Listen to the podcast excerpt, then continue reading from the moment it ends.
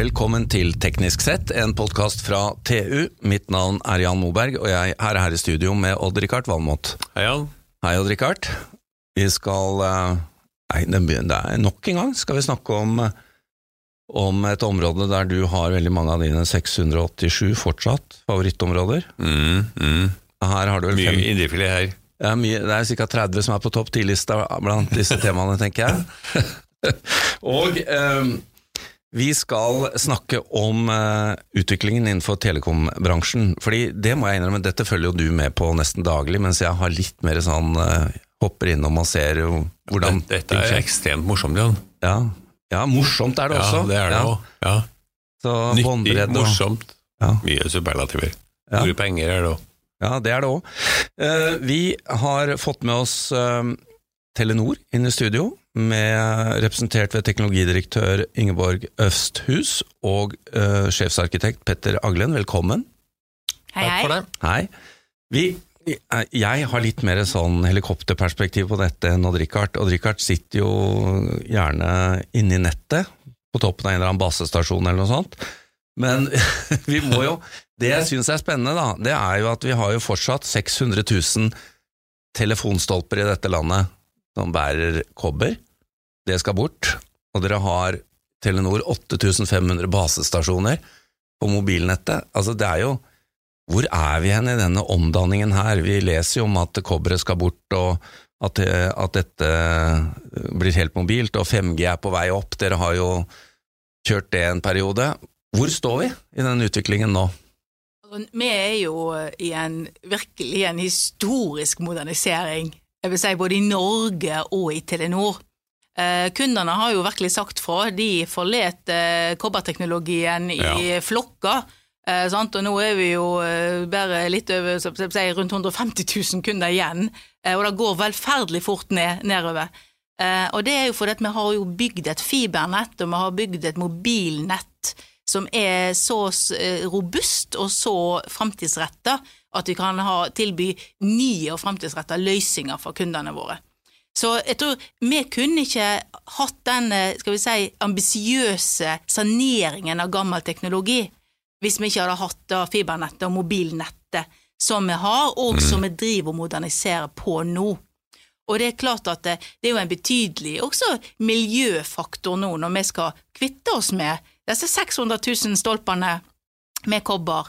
Eh, det, er det er utrolig mye strøm som går i dette gamle nettet vårt.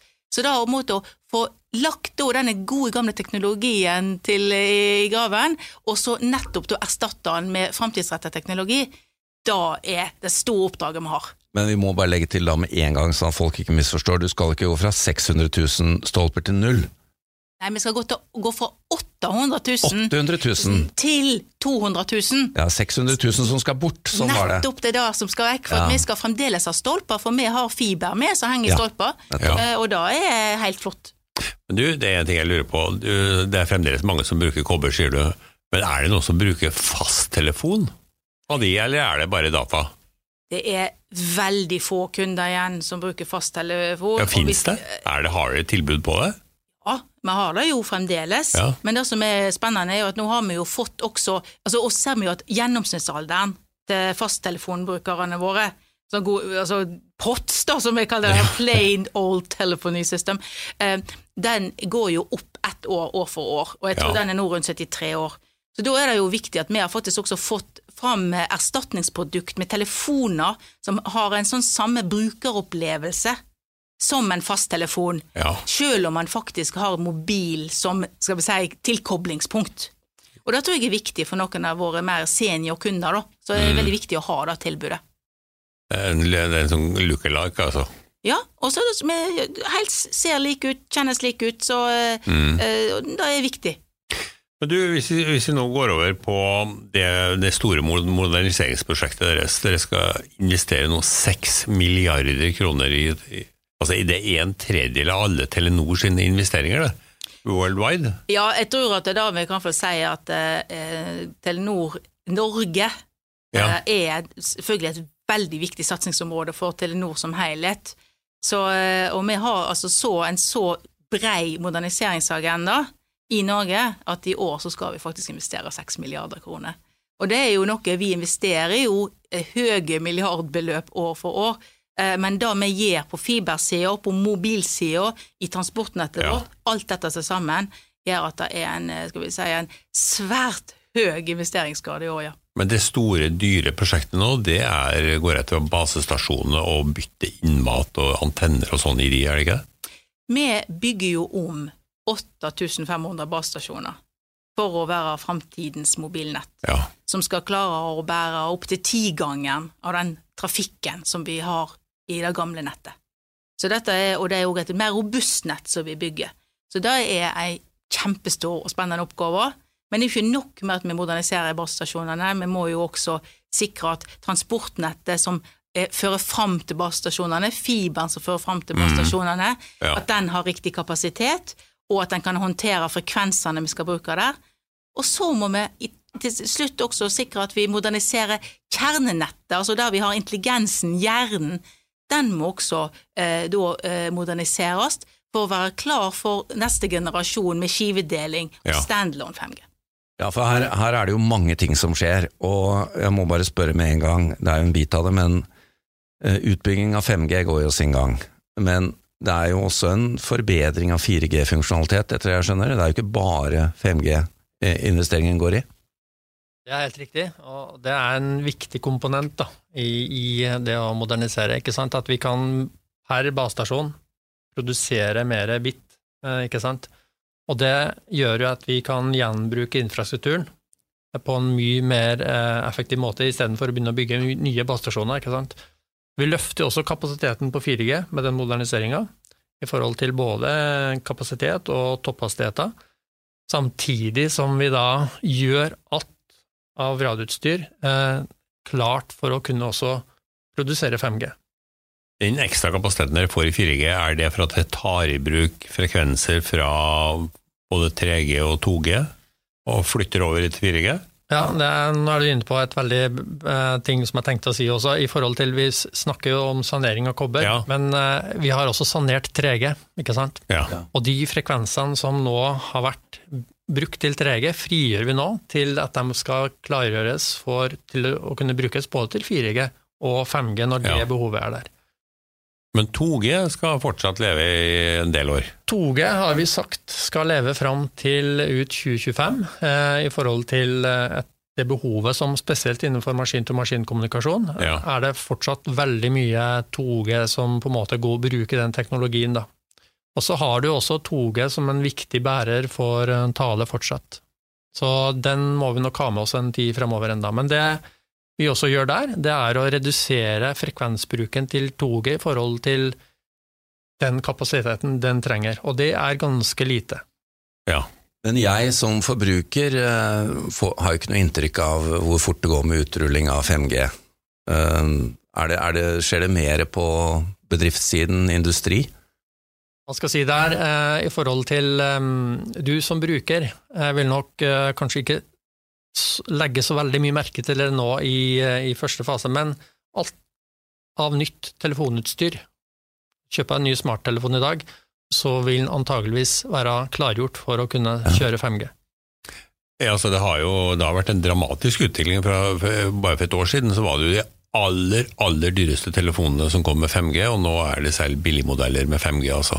Det, er, eh, det har vært Ja, det har vært, og vi ser jo at eh, det er jo så er det jo flere hundre tusen 5G-klare si, telefoner Ja. eh, ute i nettet vårt allerede, så den utviklingen går fort. Men jeg tror det som en kan ta med, er at det, som bruker så ønsker en at de tjenestene en benytter seg av, skal virke hvor en er, uten noe hiccups, det skal bare fungere. Sant? Så det vil være brukere som vil bare se å, nå har jeg 5G som i displayet på telefonen min. Sant? Det er ikke mer dramatisk enn det. Men i forhold til for eksempel disse eh, løsningene vi har for eh, hjemmebredbånd mobil, så vil jo 5G være en, en måte å kunne levere stadig høyere hastigheter, slik at det mer og mer blir også en, eh, altså en kompliment, eller kanskje en, en, en, en, en Du kan lure på om du skal ha dette eller fiber. Ja. Så, eh, men jeg, jeg tror jo egentlig at eh, vi er jo i Norge vant til en høy skal vi si, hastighet i mobilnettet og Ja. en god dekning, slik at du skal kunne se på video eh, der- hvor enn du er. Sant? Og da, eh, Du kan ikke se filmen fortere nødvendigvis, men det er noe selvfølgelig med nedlastningsfart, med, med opplevelser rundt forsinkelse som en kan merke. da. Og det som nå kommer med eh, som 5G fase 1, da, hvis en kan si det sånn, Mm. det er jo at du på en måte kan ta i bruk nye frekvensbånd, og kan på den måten levere mer kapasitet per basestasjon. Ja, altså Det er ikke bare funksjonaliteten, men det er også rett og slett pipeline blir større. Kan Yes. ha større Mm. kapasitet og dekke flere. Ja. Så eh, det er 5G eh, en, en karakteristikk, da.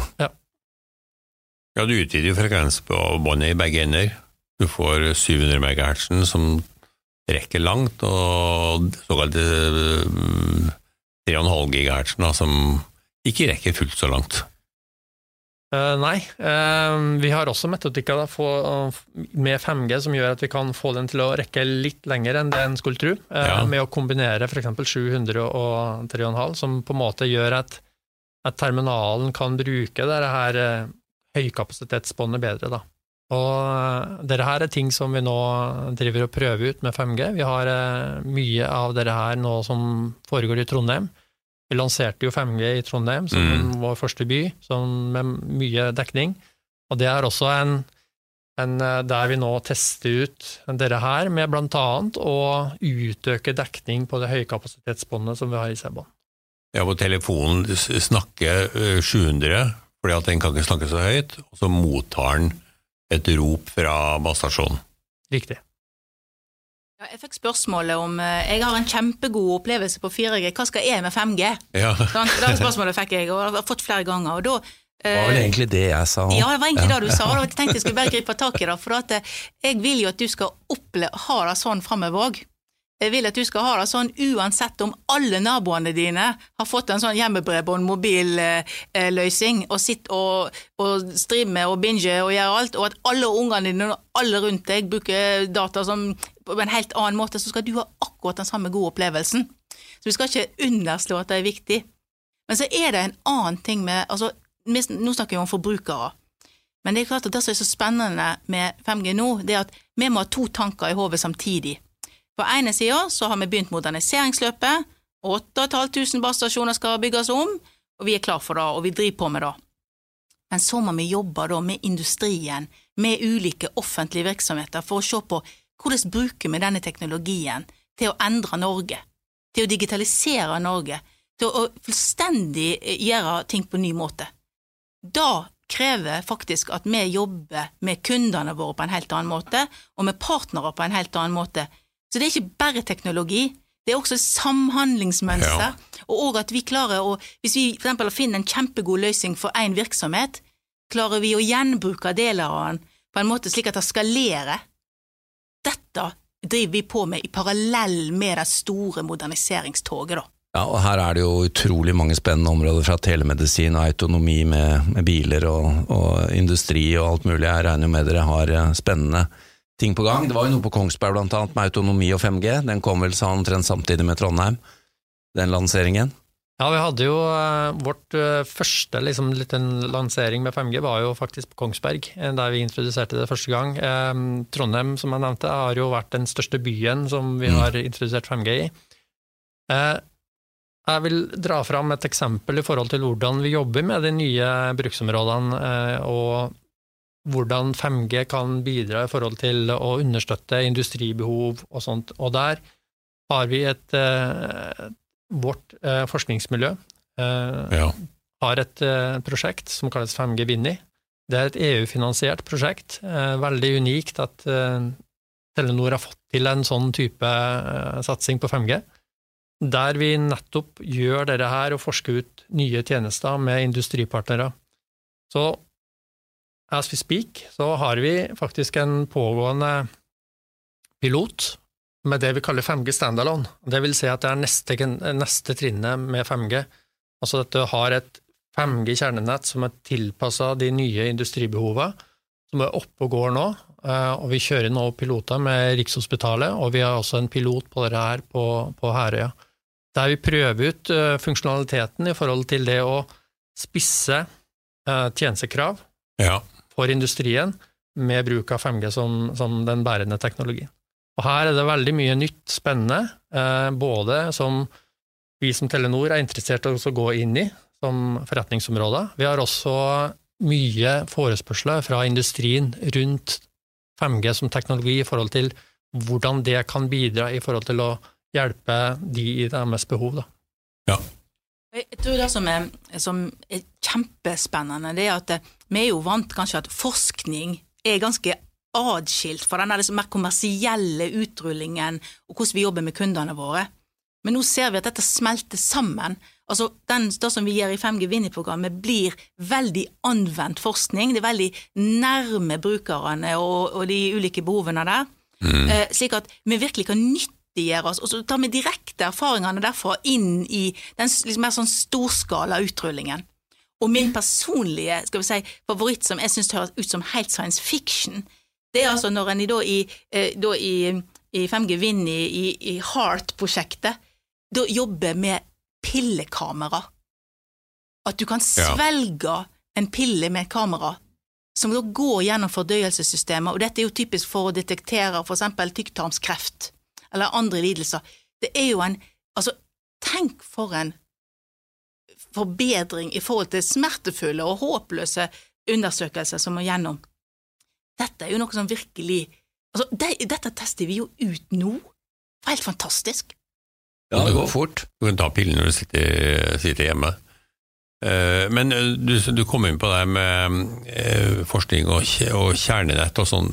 Veldig mye av det som skal utløse alle de store fordelene med, med 5G, det er jo ikke tilgjengelig ennå.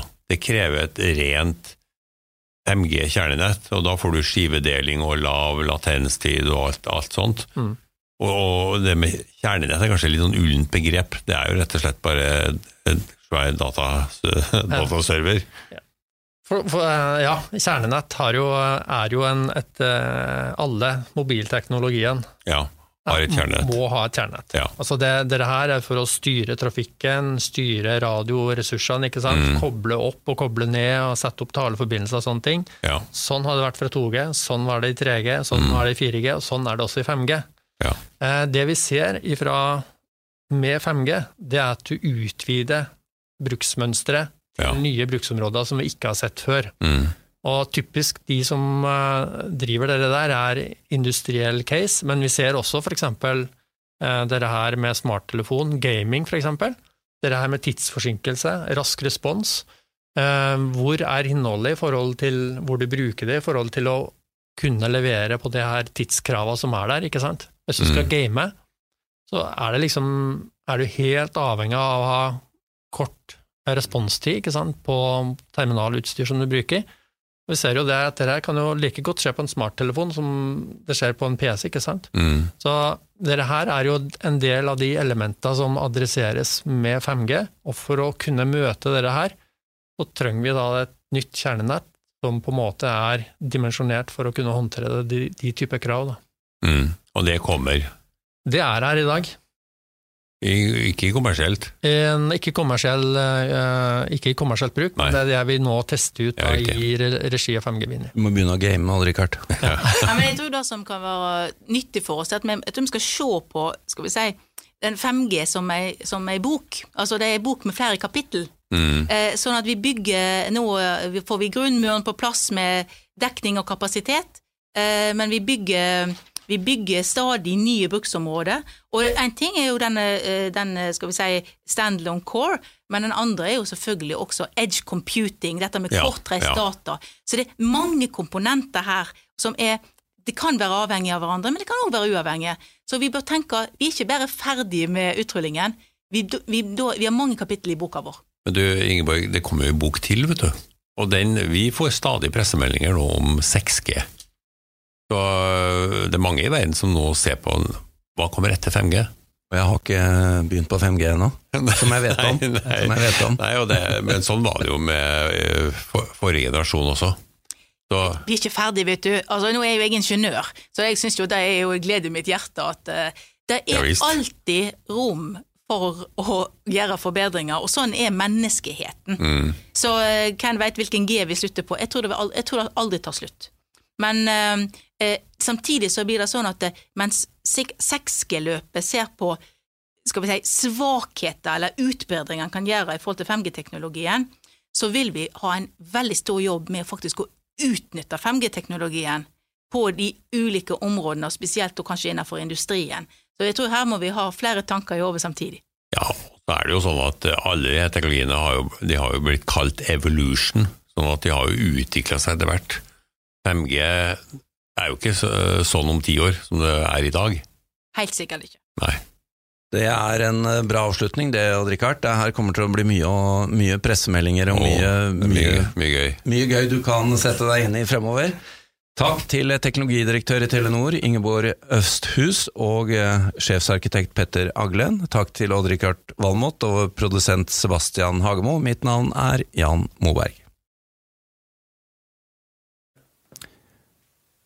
Dersom du ønsker å konsumere enda mer innhold fra oss i TU.no og digg.no, anbefaler vi at du blir abonnent.